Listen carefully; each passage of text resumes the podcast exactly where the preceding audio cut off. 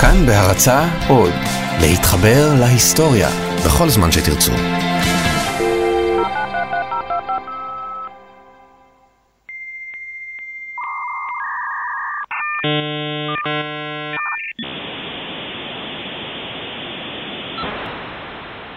מכירים את האינטרנט? ברור שכן. סביר להניח גם שחיפשתם פעם משהו בוויקיפדיה, פתחתם חשבון באיזו רשת חברתית, או שאולי נרשמתם לשירות עדכונים במייל דרך RSS. כמה פעמים שמעתם או הקלדתם את רצף האותיות www. בכל התחומים האלה היה מעורב אהרון הלל שוורץ, ילד הפלא של עולם האינטרנט.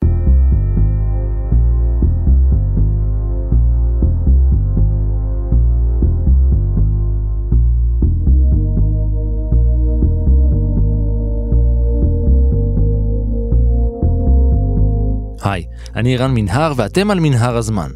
מדי פרק אנחנו מספרים לכם על מקרה שקרה בעבר מזווית שכנראה עוד לא הכרתם. הפעם נספר לכם על מתכנת מבריק שאחראי לחלק נכבד ממה שאנחנו חווים היום ברשת, היה גם פעיל חברתי יוצא דופן, ואיכשהו הסתבך עם רשויות החוק, הסתבכות שנגמרה הכי רע שאפשר.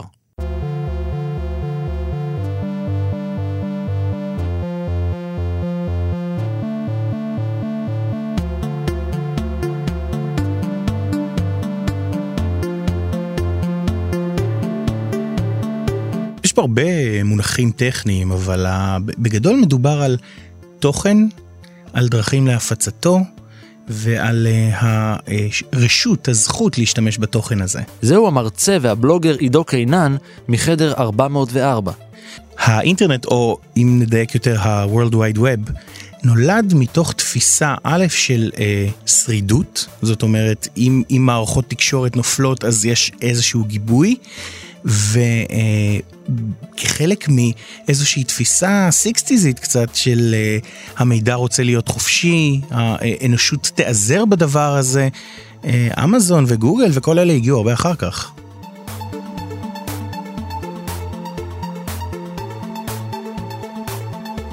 אהרון שוורץ נולד ליד שיקגו בנובמבר של שנת 1986 והלך בדרכו של אבא שלו. בשנת 77, האבא, רוברט, ייסד חברת תוכנה לייצור מערכת הפעלה למחשבי IBM, ואהרון הקטן היה עטוף כולו בעולם המחשבים מיום שנולד. כבר מגיל קטן הוא הראה סימנים של גאונות. הוא למד לקרוא כבר בגיל שלוש. הוא לימד את עצמו.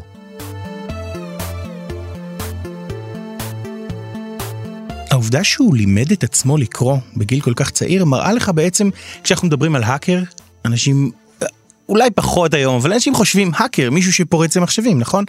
אה, אה, בבסיס המילה האקר היא כאילו בן אדם שמתעסק עם מערכות, משפצר אותם, אה, מפרק כדי לראות איך הן עובדות, והעובדה שהוא הצליח ללמוד, לקרוא, לימד את עצמו לקרוא בגיל כל כך צעיר, זה אומר שהוא פיצח איזושהי מערכת.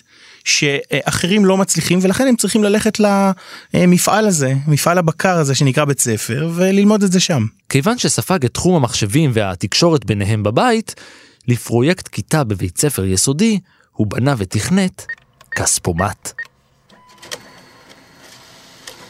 ב-97 אובחן שוורץ כחולה במחלת מעיים כרונית שגורמת להתקפי כאב חמורים בבטן. ההתקפים האלה העיבו על חייו, והאינטרנט שרק נולד היה מקום מפלט מושלם עבורו. האינטרנט אה, אולי עד היום משמש מקום מפלט להמון אנשים שלא מוצאים את עצמם אה, במיינסטרים, בחברה הרגילה. ויש שם גם אפשרות לתקשר עם אנשים בצורה מתווכת שמאפשרת לדבר איתם אולי בתנאים שלך לא תמיד שיחה סינכרונית. אתה יכול לענות בזמן שלך אתה יכול לחשוב על המילים שלך.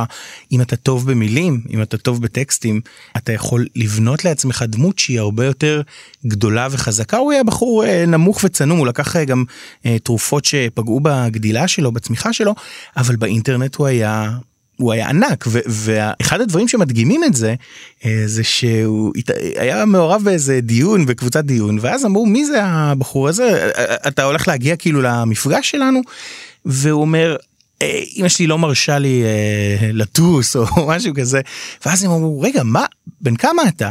בן 14, 12, ופתאום הם הבינו שהפער בין האדם הפיזי הכרונולוגי לבין האישיות שלו הוא כל כך כל כך גדול, כי באינטרנט הוא היה סוג של אה, מלך.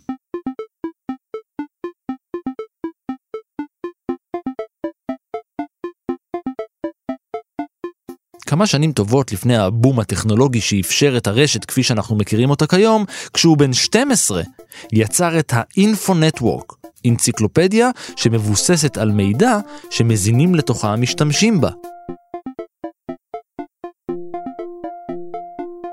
הרבה מהרעיונות הגדולים שהם חלק בלתי נפרד ממה שאנחנו עושים היום ברשת נראו לא כל כך ברורים מאליהם. זאת אומרת מנוע חיפוש? יש לנו אינדקסים למה אנחנו צריכים? כאילו יש רשימה אתה צריך אתר לכלי רכב אז יש אה, אוטו ואתה צריך אתר לזברות אז יש זיברה וזה מסודר לפי ב' ואז המציאו מנוע חיפוש ואמרו רגע אולי נשתמש בשיטה האקדמית שאם אני אה, מצטט מאמר שלך והוא מצטט מאמר שלך והיא מצטטת מאמר שלך אז המאמר שלך הוא בעצם חשוב וניתן לו ציון יותר גבוה. ככה הרי נולדה אה, גוגל. ואותו דבר לגבי ויקיפדיה כי אה, האינפו נטוורק. זה בעצם ויקיפדיה הוא אמר כל אחד יוכל להיכנס ולהעלות לשם מידע. וכל אחד יוכל להיכנס ולערוך את המידע הזה ולהוסיף עליו. ואז אמרו לו בבית ספר נדמה לי אחד המורים או משהו כזה כי הוא, כי הוא עשה את זה ב, כפרויקט אמרו לו מה פתאום שכל אחד יוכל לערוך בשביל זה יש לנו את המשכילים את האנשי אה, אה, אנשי הידע מגדל השנהב שהם אמורים לכתוב עבורנו את הדברים עכשיו הוא מגיל קטן הוא אומר אני רוצה ללמוד לקרוא אני קורא אני רוצה ללמוד לה, להכין כספומט אה, ממק אני מכין אז כאילו זה לא זה לא נתפס אצלו כמה. משהו לא בסדר. מבחינתו ערעור המוסדות ערעור ההיררכיות היה מובנה בתפיסה שלו בתפיסת העולם שלו. ומה שמדהים זה שכולם מכירים את ויקיפדיה אבל הוא המציא את הקונספט. הוא, הוא ממש לא רק המציא את הקונספט הוא גם בנה את זה. זה היה כבר פעיל. כאמור אלה היו הימים הראשונים ביותר של הרשת הכלל עולמית ושוורץ היה מועמד לזכייה בפרס ארס דיגיטה בזכות יצירת אתר אינטרנט שימושי, חינוכי, שיתופי ושאינו למטרות רווח. הוא היה בן 13.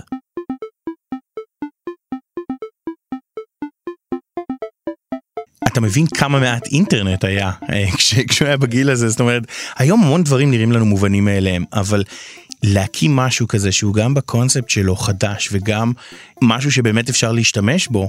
אני זוכר שהייתי קורא עיתונים ומחפש אה, כתובות של אתרים אה, כדי לדעת מה, מה יש שם, כי לא היה כלום, היה, היה שממה, היה מדבר. שנה אחר כך הוא הפך לחבר בקבוצה שכתבה את אחד הקודים המפורסמים בעולם, RSS. מדובר בפיד אינטרנט שמאפשר למשתמשים לקבל מידע ועדכונים מאתרים שונים ברשת בצורה אחידה ומסודרת. הדרך שבה אנשים אה, קיבלו מידע הייתה עד אז בקבוצות דיון, בניוזלטרים, בלהיכנס לאתר ולהתעדכן בו. ו-RSS זה בעצם אה, שינוי התפיסה מאנשים שהולכים למידע למידע שהולך אל אנשים. וזה אומר ככה, אם אני רוצה לדעת אם האתר שלך יתעדכן, אני לא צריך להיכנס אליו, אני צריך להירשם לאתר שלך, לפיד שלו, ל-RSS שלו.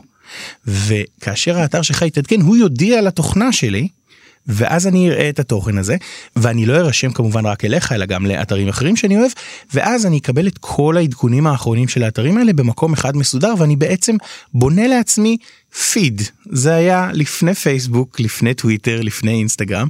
זה היה פיד שיכולת לבנות לעצמך ובעצם להרכיב לעצמך אה, שער כניסה לרשת משלך. לא אינדקס כמו יאו ולא מנוע חיפוש כמו גוגל אלא ממש משהו שאתה העוצר שלו. אה, ושמכיל את כל מה שמעניין אותך ומתעדכן בכל פעם שאחד מהאתרים האלה מתעדכן. RSS, Real Simple Syndication, סינדיקציה הפצת תכנים מאוד פשוטה, זה ראשי התיבות. הקוד הזה הפך לסטנדרט בתעשיית האינטרנט.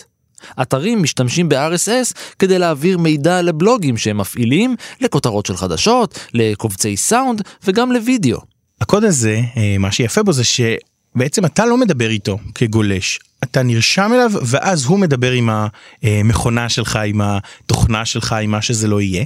ומכיוון שזה דרך קלה מאוד ומהירה מאוד ופשוטה מאוד לעדכן מידע, אז הקוד הזה משמש גם בין אה, אתרים, בין מכונות, נגיד אם אני רוצה באתר שלי להציג את מזג האוויר או של שער הדולר, אז אני לא צריך אה, לעדכן את זה כל יום בעצמי.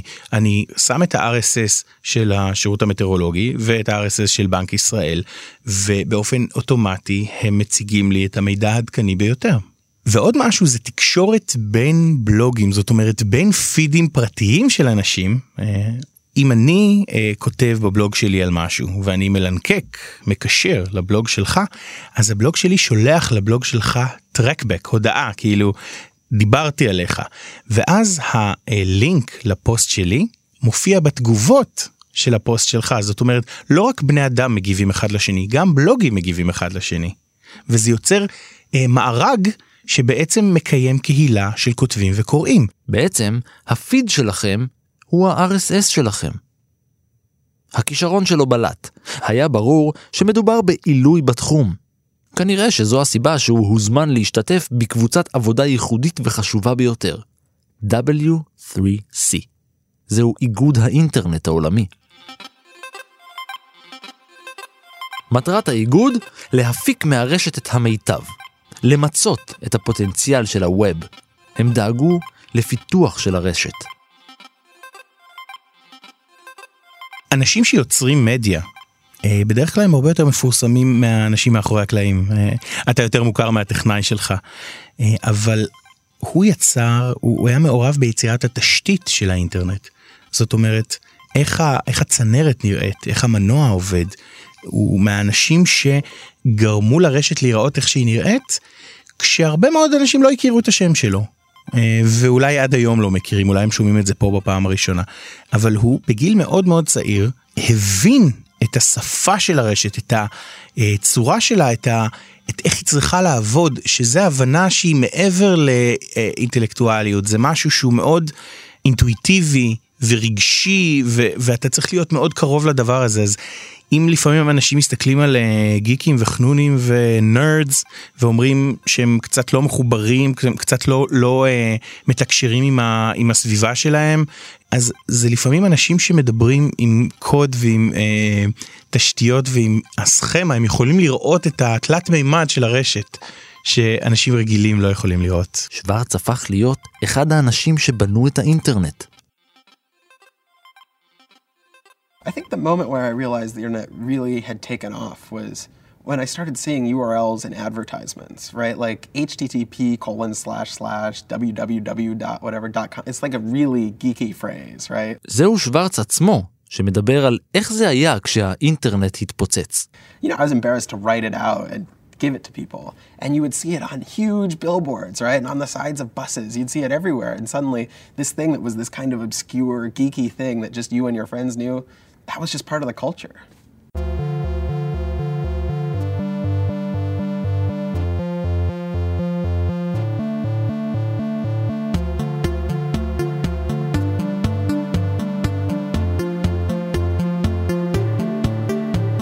הוא למד בבית ספר פרטי עד כיתה ט' ואז עזב. הוא הלך ללמוד קורסים במכללה. הוא הוקסם מהמרצים שפגש, כולם אגדות בתחומם, אנשים שפיתחו כבר בימים הרחוקים ההם קהילות אונליין. אחת הדמויות המשפיעות הייתה לורנס לסיג, שהציע לו את העבודה הראשונה שלו. לכתוב קוד עבור ארגון Creative Commons, שמאפשר למשתמשים שלו לרשום זכויות יוצרים על יצירות שלהם. רק מה, העבודה הייתה בסן פרנסיסקו, לכן נאלץ שוורץ להעתיק את מגוריו למערב ארצות הברית. Creative Commons זו מהפכה בצורה שבה אנחנו מתייחסים לקניין רוחני. קופירייט רגיל אומר אני יצרתי משהו כל דבר שאתה רוצה לעשות עם הדבר הזה שאני יצרתי אתה צריך לבקש ממני רשות ולפעמים לשלם לי. קריאטיב קומנס אמר אני היוצר משחרר חלק מההגבלות האלה ואני מאפשר למידע לזרום בצורה יותר חופשית ואני אומר לך בדיוק מה מותר לך לעשות כדי שלא תצטרך אפילו לפנות אליי אה, ולעצור את התהליך ולעכב אותו. כתוב לך מה אתה יכול לעשות מה מותר לך ולך תעשה את זה אתה לא צריך לדבר איתי אפילו. כשבסופו של דבר הושק המיזם בסוף 2002, עלה שוורץ על הבמה והסביר לקהל של 600 איש מחלוצי האינטרנט העולמי את המבנה הארכיטקטוני של האתר. הוא היה בן 16 ובקושי הגיע לדוכן הנואמים. כשהוא פתח את הלפטופ שלו, הלפטופ הסתיר את הפנים שלו, זה, זה תמונה מדהימה, אתה רואה כאילו מישהו שהוא באמת יותר גדול מדמותו הפיזית, מהגוף האנושי הארצי הזה שנכפה עליו. בגיל 17 הוא התקבל ללימודי סוציולוגיה באוניברסיטת סטנפורד. הוא הפעיל בלוג בו סיפר על חייו בקמפוס. באמת כמו ההבדלים בין הדמות שלו בפורומים המקצועיים לבין האישיות האולי קצת מופנמת שלו, קצת אה, מהוססת, אז, אז בבלוג אתה רואה פתאום משהו אחר לגמרי, מישהו שמדבר על. הבעיות שלו ועל הרגישויות שלו והפגיעויות שלו ואיך הוא אה, רואה את העולם ורוצה לתקן אותו ויש כל מיני דברים שמפריעים לו בדרך. מישהו מאוד מאוד רגיש, זאת אומרת מישהו שאולי אפילו לא מתאים לתרבות הסטארט-אפים וההייטק שהתחילה להתפתח בעמק הסיליקון, שכאילו היא מציגה את עצמה כנורא נחמדה, גוגל זה Don't be evil וכל מיני כאלה והכל צבעוני, אבל מדובר בתחרות מאוד מאוד קשה, מדובר במקום שבו אתה צריך להצטיין ולנצח ולהביא המון כסף לחברה שלך ולבעלי המניות שלך, כי זה הולך להיות המקום של הענקים, המקום שבו המוגולים הגדולים, השליטים של העתיד שלנו אה, הולכים לצמוח. בשעות הפנאי נהג שוורץ להסתובב עם המרצים ולא עם הסטודנטים האחרים.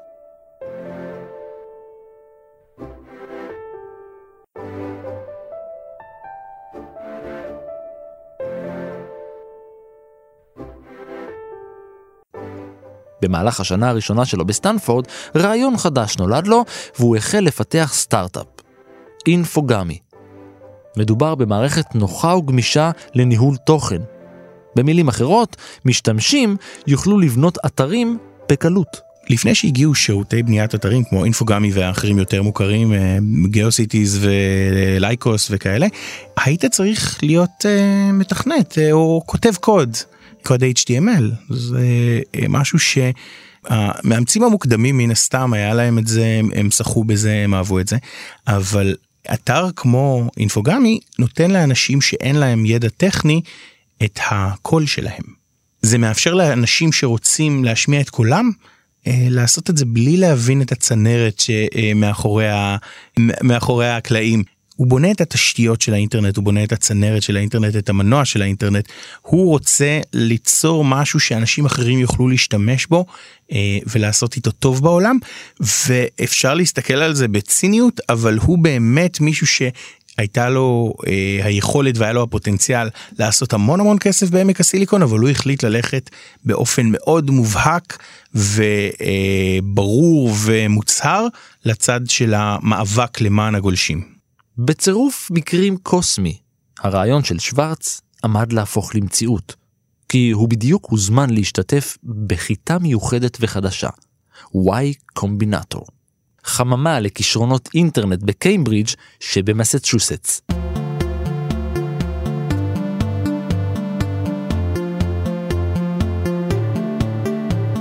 ביוני 2005 הוא נפרד מסטנפורד, הוא חשב שהוא נפרד ממנה לעד, אבל הוא לא שמע את משק כנפי ההיסטוריה.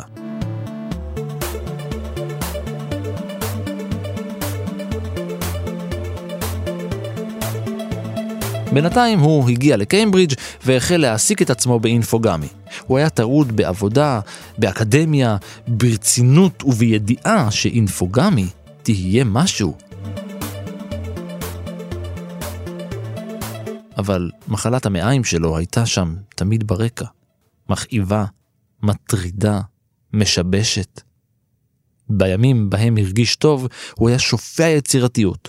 אבל אחרי הימים האלה, הוא כתב בבלוג שלו, היה מגיע שבוע של ימים רעים, בהם הוא הרגיש מרוקן, עייף ומדוכא.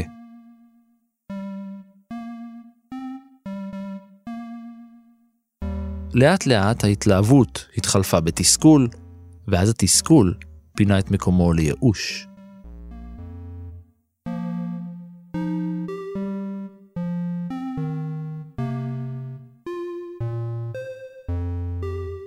במסגרת העבודה שלו על אינפוגמי, שוורץ חיפש תוכנת מסגרת לכתיבת קוד, בו הוא יוכל לכתוב את הקוד לסטארט-אפ שלו. זה נשמע מסובך, אז הנה הסבר. קוד, קוד תוכנה הוא, אותיות, מילים, אה, יש לו תחביר משלו, אבל כשאתה כותב אותו אתה לא כותב על מסמך טקסט או מסמך וורד, אתה צריך תוכנה שיודעת להציג את הקוד בצורה אה, מסודרת ולצבוע בצבעים שונים אלמנטים שונים כדי שתראה מה אתה עושה ואם אתה צריך להביא איזה אה, מידע ממקום אחר אז הוא יוכל לייבא אותו בקלות אה, ולכן אתה צריך כלי ייעודי לזה כל אחד אה, כל מתכנת והשפה שלו והכלים שהוא מעדיף. זה, זה די דומה לתוכנות לכתיבת uh, מסמכים או תסריטים שיש uh, כל מיני תבניות, מקרואים וכלים. Uh, זה כתיבה, היא פשוט כתיבה שה, שהתוצר שלה הוא, הוא לא אתה קורא אותו אלא המחשב קורא אותו.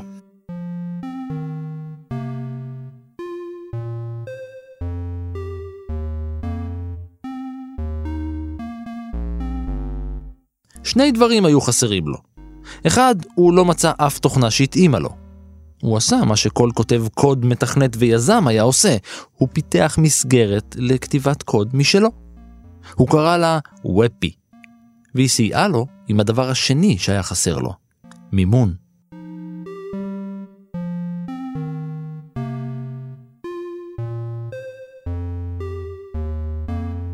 בסוף 2005, ממש יום לפני יום הולדתו ה-19, נפגש שוורץ עם פול גראם, מי שעמד מאחורי מימון החממה Y קומבינטו. הוא סיפר לו על התסכול הגדול שהוא חש, וגראם הציע לו הצעה. יש פה עוד שני חבר'ה בחממה, הוא אמר לו, ויש להם גם סטארט-אפ. הבעיה שלהם היא שהאתר שלהם כל הזמן קורס. אולי הכישורים שלך יוכלו לעזור. לשני החבר'ה האלה קוראים סטיבן הפמן ואלקסיס אוהניאן. לאתר שלהם קוראים רדיט.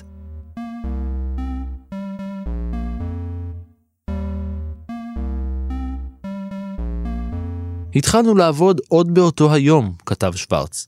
מיד ראינו שדברים עומדים לעבוד מצוין. שוורץ תיקן לרדיט את הקוד של האתר באמצעות ופי. באמצעות ופי נכתבו הרבה תוכנות אחרות להרבה פרויקטים אחרים של שוורץ ושל השותפים החדשים שלו. רדיט ואינפוגמי הפכו לישות אחת, not a bug, ושוורץ עבר לחיות עם השניים באותה הדירה. כמו בסדרות ובסרטים, השלושה כתבו יחד קוד מהבוקר ועד הערב, ושיפצו ושיפרו את רדיט. וזה השתלם, הפופולריות של האתר צברה תאוצה, וב-2006, כשהחברה שלהם נקנתה בסופו של דבר תמורת 12 מיליון דולר, כבר היו לרדיט מיליוני מבקרים מדי חודש. רדיט היום הדבר הזה שהשני חבר'ה האלה לא ידעו איך להפעיל אותו והיו צריכים מישהו שיעזור להם זה אחד האתרים הכי גדולים בעולם זה אתר שמביא כמויות מטורפות של traffic זה אתר שיש בו. ברק אובמה אה, אה, בא ל-AMA, ask me anything, זה סשן של שאלות ותשובות. אז ברק אובמה השתתף בסשן כזה ברדיט. זה מאוד בפשטות, זה פורומים. זה מלא מלא פורומים וכל אחד יכול לפתוח שם פורום וכל אחד יכול אה, להקים שם קהילה משלו ויוצאים משם המון המון סיפורים ה home page הם, הם קוראים לזה the front page of the internet זאת אומרת אנחנו אה, כמו גוף חדשות אבל חדשות גולשים ואנחנו העמוד הראשי. וזו הצהרה אה, נועזת אבל היא גם די נכונה כי כמות התכנים שעולים שם המידע אה, שאפשר להשיג משם האנשים שמסתובבים שם זה אה, פשוט מטורף. ההצלחה הובילה אותו לסן פרנסיסקו, אבל הוא מצא שהחיים והעבודה במשרד לא מתאימים לו, ועזב את החברה.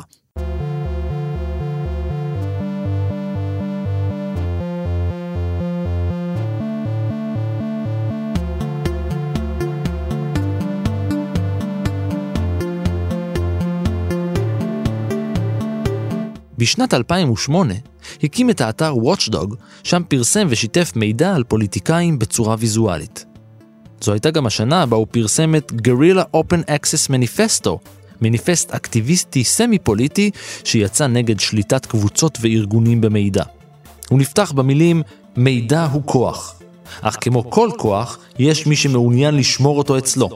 כל המורשת התרבותית והמדעית של העולם, שפורסמה במשך מאות שנים בספרים וכתבי עת, עוברת תהליך מוגבר של דיגיטציה ונסגרת על ידי קומץ של תאגידים פרטיים. מה שהוא אומר במניפסט שלו זה, זה די מדהים, הוא אומר, יש פה תכנים שהאנושות יצרה, התכנים הם, ה, הם, ה, הם הדם שזורם בעורקי הרשת. ומצד אחד גופים גדולים וחזקים עושים להם דיגיטציה וזה טוב כי אם יש דיגיטציה אנחנו יכולים לגשת למידע הזה אנחנו יכולים לחפש בו אנחנו יכולים להפיץ אותו בקלות לכל העולם זה כבר לא נייר זה ביטים. ומצד שני הם רוצים לבנות את הכוח שלהם על ידי יצירת מונופול של המידע והם רוצים למכור את המידע הזה אה, תמורת כסף. זאת אומרת זה שתי, שתי מטרות אה, שמתחברות ביחד ואתה יכול לראות את זה למשל בפרויקט הדיגיטציה של הספרים של גוגל. גוגל השקיעו עשרות מיליונים אם לא יותר בלסרוק אה, ספרים ולתרגם אותם לקבצים לקבצי טקסט והם לא שאלו אף אחד הם לא קיבלו אישור לזה הם לא קיבלו רישיון ובסופו של דבר תביעה של גילדת הסופרים גרמה לזה שהפרויקט הזה מעולם לא הפך להיות אה, אמזון. אה, או מתחרה לאמזון אלא מאגר נורא גדול שאתה יכול לבצע בו חיפושים וגוגל משתמשים במאגר הטקסטים העצום הזה לכל מיני דברים אה, לכל מיני בדיקות ופיתוחים שמצריכים ביג דאטה של אה, מילים אנושיות. הוא סיים את המניפסט בדרישה לשחרור מידע באשר הוא, ואם לא, יש לקחת אותו בכוח. הוא כתב, אנו צריכים לקחת מידע מאיפה שהוא מאוחסן, לשכפל אותו לעצמנו ולשתף בו את העולם. אז פה באמת אנחנו רואים את, ה, את ההתחלה של האקטיביזם שלו. אה, עד עכשיו זה היה אה, יותר פסיבי מבחינת פעילות פוליטית. זאת אומרת, הוא נתן לך את הפלטפורמות שמאפשרות לך ליצור מידע. אתה כגולש יכול להשתמש בדברים שהוא פיתח כדי לבטא את עצמך. אבל הוא אומר רגע אבל יש מידע שכבר נמצא שם ומישהו רוצה לא לתת לנו אותו אז בואו נשתמש בטכנולוגיה כדי להתגבר על הדבר הזה וזה שוב חשיבה של האקר זאת אומרת לא נותנים לי להיכנס מפה אני אכנס מסביב ואני עושה משהו טוב אז אז אני אז, אז אם גם אם זה לא בדיוק חוקי או לא בדיוק אה, לגיטימי ואני אתן פה את הדוגמה של גוגל שכשהם התחילו לסרוק אתרים למנוע החיפוש שלהם. אז בעלי אתרים התלוננו שפתאום יש איזה קרולר ששותה להם את כל רוחב הפס כשרוחב פס היה דבר מאוד מאוד יקר אה, ולבעלי אתרים קטנים היה משמעותי. ופתאום באים גוגל האלה ומשתוללים ברשת. וגוגל אמרו זה מה שאנחנו עושים זה יהיה לטובת העולם. אז צריך לזכור שגם תאגידים כמו גוגל פועלים בצורה הזאת של עדיף להתנצל מאשר לבקש רשות. הם עושים את זה בשביל כסף הוא עשה את זה באמת נטו בשביל אה, אקטיביזם אה, אידיאלים ו- וטובת הכלל. הגופים שרוצים שמידע לא יהיה משוחרר הם גופים שהכוח שלהם נבנה מהמונופול על המידע. אני מזכיר לך את הכנסייה לכנסייה היה מידע שהיה רק בידיה והעם אה, היה כפוף אליה עד שהמציאו את הדפוס אז הנה האינטרנט עושה את מה שהדפוס עשה הוא משחרר מידע ומפרק היררכיות וההיררכיות לא כל כך אוהבות את הפירוק הזה זה לא נעים להן. שוורץ רצה להבין לעומק איך עושים אקטיביזם יעיל שעושה שינוי אמיתי. בניגוד לדעות אחרות סביבו שחשבו שהמערכת הפוליטית והארגונית מושחתת ורקובה הוא חשב שניתן לשנות את הכל מבפנים. אחד המיזמים הידועים ביותר של שוורץ בעניין של חופש המידע היה פרויקט Dead Drop, פלטפורמה לשיתוף מידע בצורה בטוחה בין מקורות ועיתונאים. לימים שונה השם ל-Secure Drop והשתמשו בו מערכות כמו הגרדיאן והוושינגטון פוסט. הוא הקים והצטרף לקבוצות פעילים לשינוי פוליטי במסצ'וסטס, להעלאת המודעות הפוליטית, המודעות לחופש האזרח ולנושאים חברתיים, והוא קרא לרפורמות שלטוניות. ב-2008, כשהוא בן 21, הכיר את קרל מלמוד, שהקים ארגון ללא כוונות רווח, שכל מטרתו היא ללחוץ על הממשלה להפסיק לדרוש תשלום עבור מסמכים ציבוריים. במילים אחרות, למה שנשלם כסף עבור משהו שהוא כבר שלנו? המטרה שמלמוד שם לעצמו באותו הזמן הייתה מערכת ממשלתית בשם גישה ציבורית לרישומים הדיגיטליים של בתי המשפט. Public Access to Court Electronic Records. יש בדמוקרטיה אה, עיקרון של פומביות המשפט זאת אומרת אתה מקיים משפט בצורה פומבית כדי שהציבור יוכל לראות ולבקר את מה שקורה שם וכמובן הציבור לא יכול ללכת לכל המשפטים אבל המידע הזה אמור להיות נגיש לעיתונאים לסטודנטים לעורכי דין ולציבור הרחב. המידע הזה לא באמת נגיש. הרבה מהמסמכים המשפטיים הם כבר דיגיטליים, זאת אומרת בבתי משפט מקלידים אותם לתוך מחשב, אבל הנגישות אליהם הדיגיטלית היא לא כמו גוגל. הם נמצאים בכל מיני מאגרים שאתה צריך לשלם או לעבור כל מיני אה, אה, מהמורות ומכשולים כדי להגיע למידע הזה, אה, מאגרי מידע בלתי חפיסים ומה שהוא לא חפיס הוא לא קיים. הארכיון הדיגיטלי הציבורי של בית המשפט גבה באותו הזמן 8 סנט לעמוד והכניס בשנה כ-150 מיליון דולר, כסף שלא אמור להיגבות כיוון שהחומר עצמו לא מוגן בזכויות יוצרים. הם יכולים לגבות, הם יכולים לטעון שהם אה, אה, התאמצו כדי ליצור את מאגר המידע הזה, אבל אתה יודע, אם מערכת המשפט הייתה נותנת לנו את המידע הזה, אפילו סתם זורקת אותו בצורה חופשית, שאנחנו נוכל להיכנס ולהוריד את זה, אז היו באים האקרים ואומרים בואו נמצא דרך ל- לסדר אותו ככה שאפשר יהיה לחפש בו ושהוא יהיה שימושי ולא סתם ערימה של ניירות בארגז קרטון בארכיון. החזון של מלמוד היה להעלות את כל הארכיון הזה לשרת עצמאי, אז משתמשים יוכלו לגשת אליו בחינם ולקבל את המידע בקלות מתוך מערכת חדשנית וזמינה.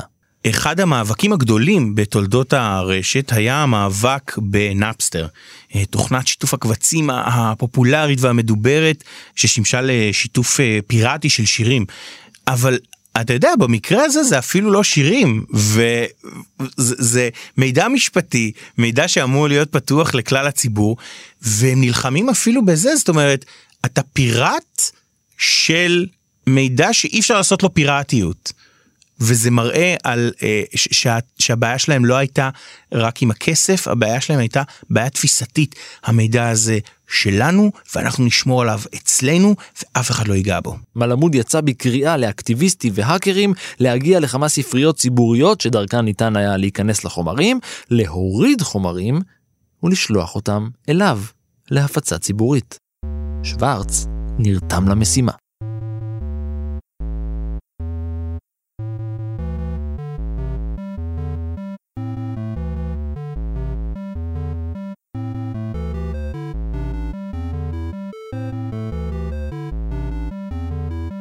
שוורץ מקבל מאקטיביסט אחר קוד, משפר אותו ומתחיל להריץ אותו ובודק עם איך, איך הוא עובד ומגלה שכן הוא עובד לא רע. הוא שילב פה אה, סוג של אה, הייתי אומר אה, אדם ומכונה. התוכנה שלו יודעת לעשות את העבודה של אה, הורדת הקבצים אבל הגישה חסומה והוא צריך להגיע למקומות שהגישה לא חסומה. ואז הוא מפיץ את התוכנה לחברים ואומר להם חברים, תיכנסו לספרייה שלכם, תריצו את התוכנה ונחלק בינינו את, ה, אה, את העבודה הזאת. וזה אה, מאוד חשיבה אה, האקרית של איך אנחנו מבזרים את הדבר הזה כדי שגם יהיה לנו גישה חופשית וגם שיהיה יותר קשה לעצור אותנו. בספטמבר של אותה השנה, שוורץ הוריד כמעט שלושה מיליון מסמכים משרת הארכיון של מערכת המשפט הפדרלית. הוא הוריד כמעט 20 מיליון עמודים. שזה משהו כמו 20% מכל המאגר. אני מניח שגם אתם יכולים לראות את הנורות האדומות שנדלקו בשלב הזה במשרדי ה-FBI. אבל ה-FBI שחקר את המקרה החליט לסגור את התיק, כיוון שבסופו של דבר המסמכים אכן ציבוריים. כיום הארכיון עדיין גובה תשלום. זה כמו עם חוק חופש המידע. אה, מי שיש לו את המידע אה, רוצה לשמור אותו אצלו. וזה שיש חוק זה אוקיי יש חוק אבל בוא נעשה לך את המוות עד שניתן לך נבקש ממך כסף למרות שלא בהכרח אה, אה, אה, זה חוקי או נדחה את הבקשה שלך נעכב אותה או לא ניתן לך את כל המידע או אנשים שיש להם מידע שהוא כוח רוצים לשמר את המידע והכוח הזה והם לא ישחררו אותו כל כך בקלות ובמיוחד אם הוא עושה להם כסף זה כבר obvious.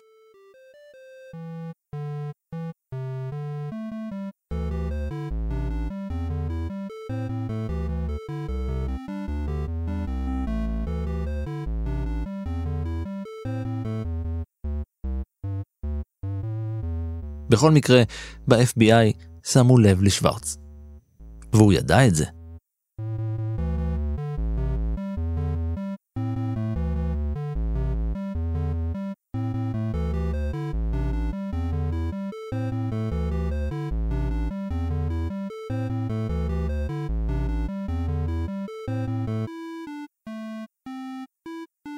ב-2010 הוא התחבר לאינטרנט בקמפוס ב-MIT. הוא נכנס ל-JSTOR, מאגר מקוון, ספרייה דיגיטלית של כתבי עת אקדמיים. זהו מאגר שעבור השימוש בו האוניברסיטאות משלמות אלפים רבים של דולרים בשנה. JSTOR הוא מאגר של אה, מחקרים שג'ייסטור לא יצרו.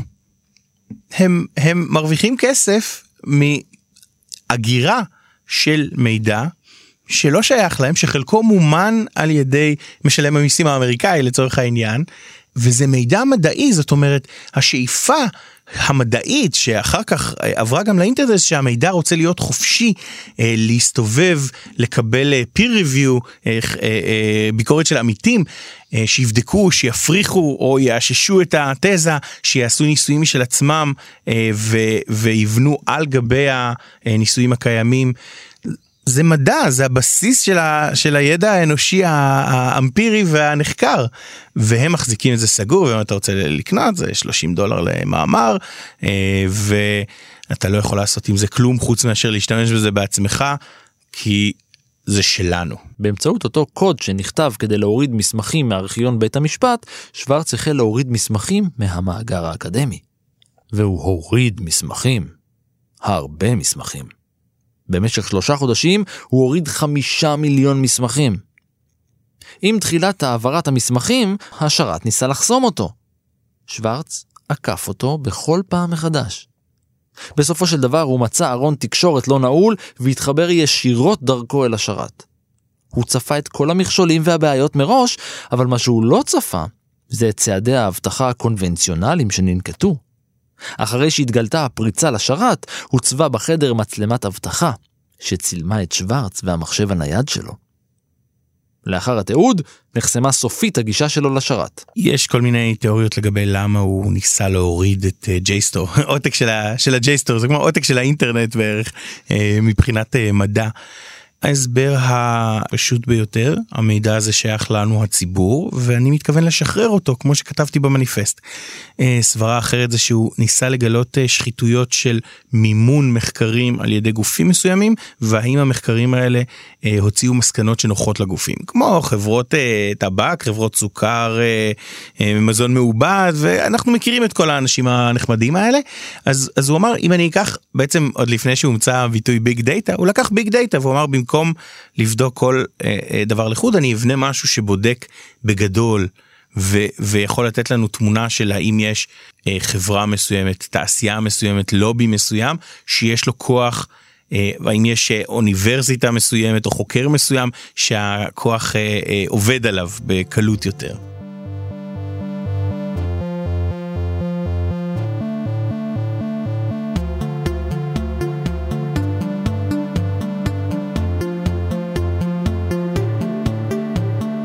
בשעות הערב של 6 בינואר 2011 רכב שוורץ על אופניים מחוץ לקמפוס. לפתע זינקו עליו שוטרים וסוכן השירות החשאי. הוא נעצר ועמד למשפט כשהוא עומד בפני שתי עבירות של פריצה במטרה לבצע פשע.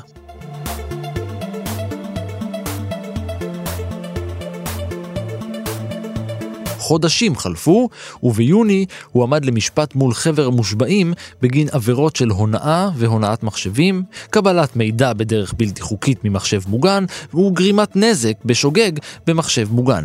רישום כוזב במסמכי וורד, רק זה חסר. העונש הצפוי לו במקרה שיורשע, עד 35 שנות מאסר. מאגר המאמרים האקדמי היה מוכן שלא לתבוע את שוורץ כל עוד ימסור להם את כל החומר שהוריד. חמישה חודשים לאחר מכן נוספו לו גם אישומים של פריצה בכוונת זדון, גניבה בקנה מידה גדול וגישה לא מאושרת לרשת מחשבים. חלק מהאישומים המקוריים בוטלו. אישומים חדשים נוספו אחרי עוד כמה חודשים, והעונש הצפוי לו גדל ל-50 שנות מאסר, וקנס בגובה מיליון דולר.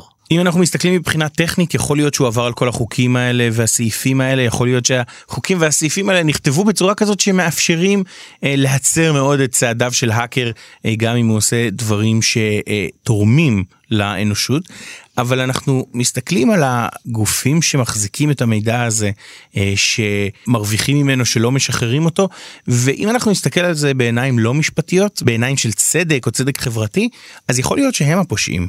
החלו הדיונים על הסדר טיעון. התביעה דרשה שיודה ב-13 עבירות פדרליות, ובתמורה ייכנס למאסר של חצי שנה בלבד. שוורץ סירב. הוא רצה ללכת למשפט בו התביעה תיאלץ להסביר למה היא רודפת אותו. והיו לו גם שאיפות פוליטיות. הוא לא רצה הרשעה ורישום פלילי במקרה שייכנס למערכת הפוליטית. לא הייתה שום הוכחה שהוא התכוון להרוויח כסף מהדברים שהוא עשה, ולכן ההתעקשות שלו ללכת למשפט ולא לחתום על עסקת טיעון, רק מחזקת את העניין הזה שהוא רצה שהם יצטרכו לבוא לבית משפט ולהגיד שזה לא בסדר שהמידע הזה חופשי. ובכל הזמן הזה, בשנה וחצי מרגע שהוגשו נגדו כתבי האישום, דרך הוספת הסעיפים הנוספים והמשא ומתן לעסקת טיעון, בכל הזמן הזה הוא המשיך לחיות את חייו, גם בצד האקטיביסטי. בתחילת 2012, שוורץ היה מעורב במהלכים נגד החוק שהוצע על ידי הממשל למלחמה בפיראטיות ברשת. החוק היה שנוי במחלוקת והוא אמור היה לתת סמכויות נרחבות לממשל להתערב בענייני הפרת זכויות יוצרים וסחר מקוון. כאשר בעצם הכוח הגדול הזה כמובן יכול להיות מנוצל לרעה לצנזורה פוליטית ולרדיפה של אה, מתחרים ואנחנו רואים הצעות חוק דומות בארץ. אם נטפליקס הוכיחה פה שכשאתה נותן לאנשים תכנים אה, במחיר סביר ובגישה נוחה אז הם משלמים. אבל מבחינת המחוקקים והלוביסטים שדוחפים אותם, אה, פיראטיות היא אה, נובעת רק מרוע ומרצון לגנוב, ולא מזה שבעצם, אתה יודע, זה תעשייה שמגדירה את הקהל שלה כעבריין. המתנגדים לחוק הקימו קמפיין מסיבי ומתוקשר, ובסופו של דבר, החוק לא עבר. באירוע שנערך בוושינגטון במאי, היה שוורץ הנואם המרכזי. כותרת הנאום שלו הייתה איך עצרנו את החוק. The government can't stop any of that. שוב, הנה שוורץ מדבר על חופש המידע. We have the right as American citizens to have this sort of free and open communication, to share what we think, what we feel, what we've created. And I think that's a huge part of our culture, right? The sort of openness we have, the comfortableness we have with each other. A lot of that traces back to the First Amendment.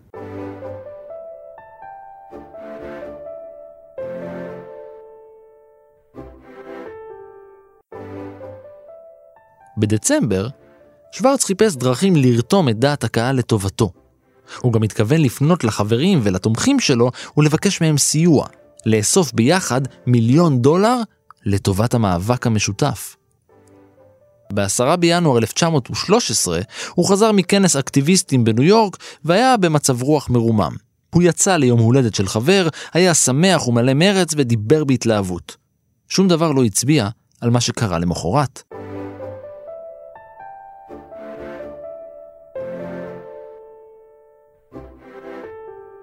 כזכור, כפי שהוא כתב בעבר, אחרי ימים טובים מגיעים ימים רעים.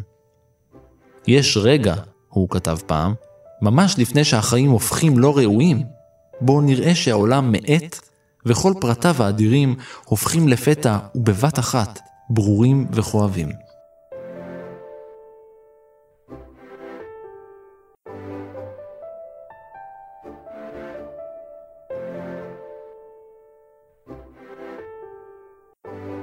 ב-11 בינואר 2013, ואחרי כמעט שנתיים של רדיפה, הוא התאבד בתלייה בביתו שבברוקלין.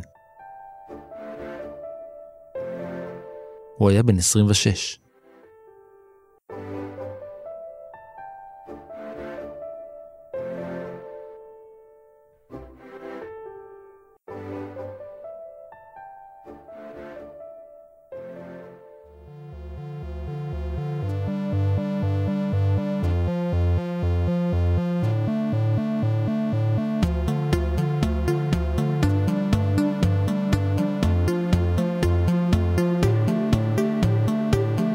אולי זה היה הלחץ האדיר שהיה בו, אולי זה העומס, אולי זו הייתה המחלה הכרונית, אולי הוא סבל מהפרעה דו-קוטבית כלשהי. אי אפשר לדעת. אולי, אולי זה היה הכל ביחד. בכירי קהילת האקטיביסטים של הרשת אה, אמרו שה-FBI אה, והתובע הכללי וכל מי שהיה מעורב בדבר הזה רצו לעשות ממנו מקרה לדוגמה ושהם השתמשו בכוח בלתי סביר לרדוף אותו כדי אה, להפחיד אחרים.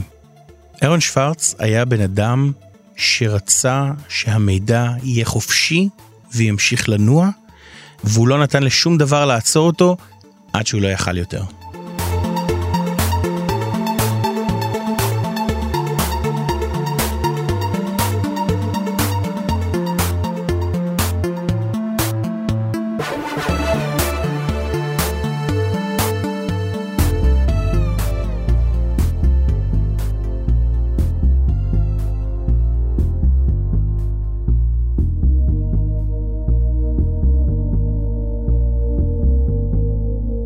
ועד כאן מנהר הזמן להפעם. פרקים נוספים של מנהר הזמן וסיפורים אחרים מההיסטוריה תוכלו למצוא באתר שלנו כאן.org.il/פודקאסט, תוכלו להזין להם גם באפליקציה שלנו כאן אודי ובכל אפליקציית פודקאסטים, הסכתים יש לומר, שאתם אוהבים. תודה לעידו קינן, תודה גם לאור מנהר על התכנות וההפקה, לניר גורלי על ההורדה ועל העריכה, תודה גם לדנה ברקגן על בדיקת העובדות, אתם יכולים להיכנס לאינטרנט המעניין הזה ולעקוב אחריי ברשתות החברתיות, בפייסבוק ובטוויטר, להגיב, להעיר, להציע רעיונות, ובעיקר להתחבר. אתם יודעים איך שוורץ היה רוצה. יאללה, אני רן מנהר, נשוב וניפגש בפרק הבא.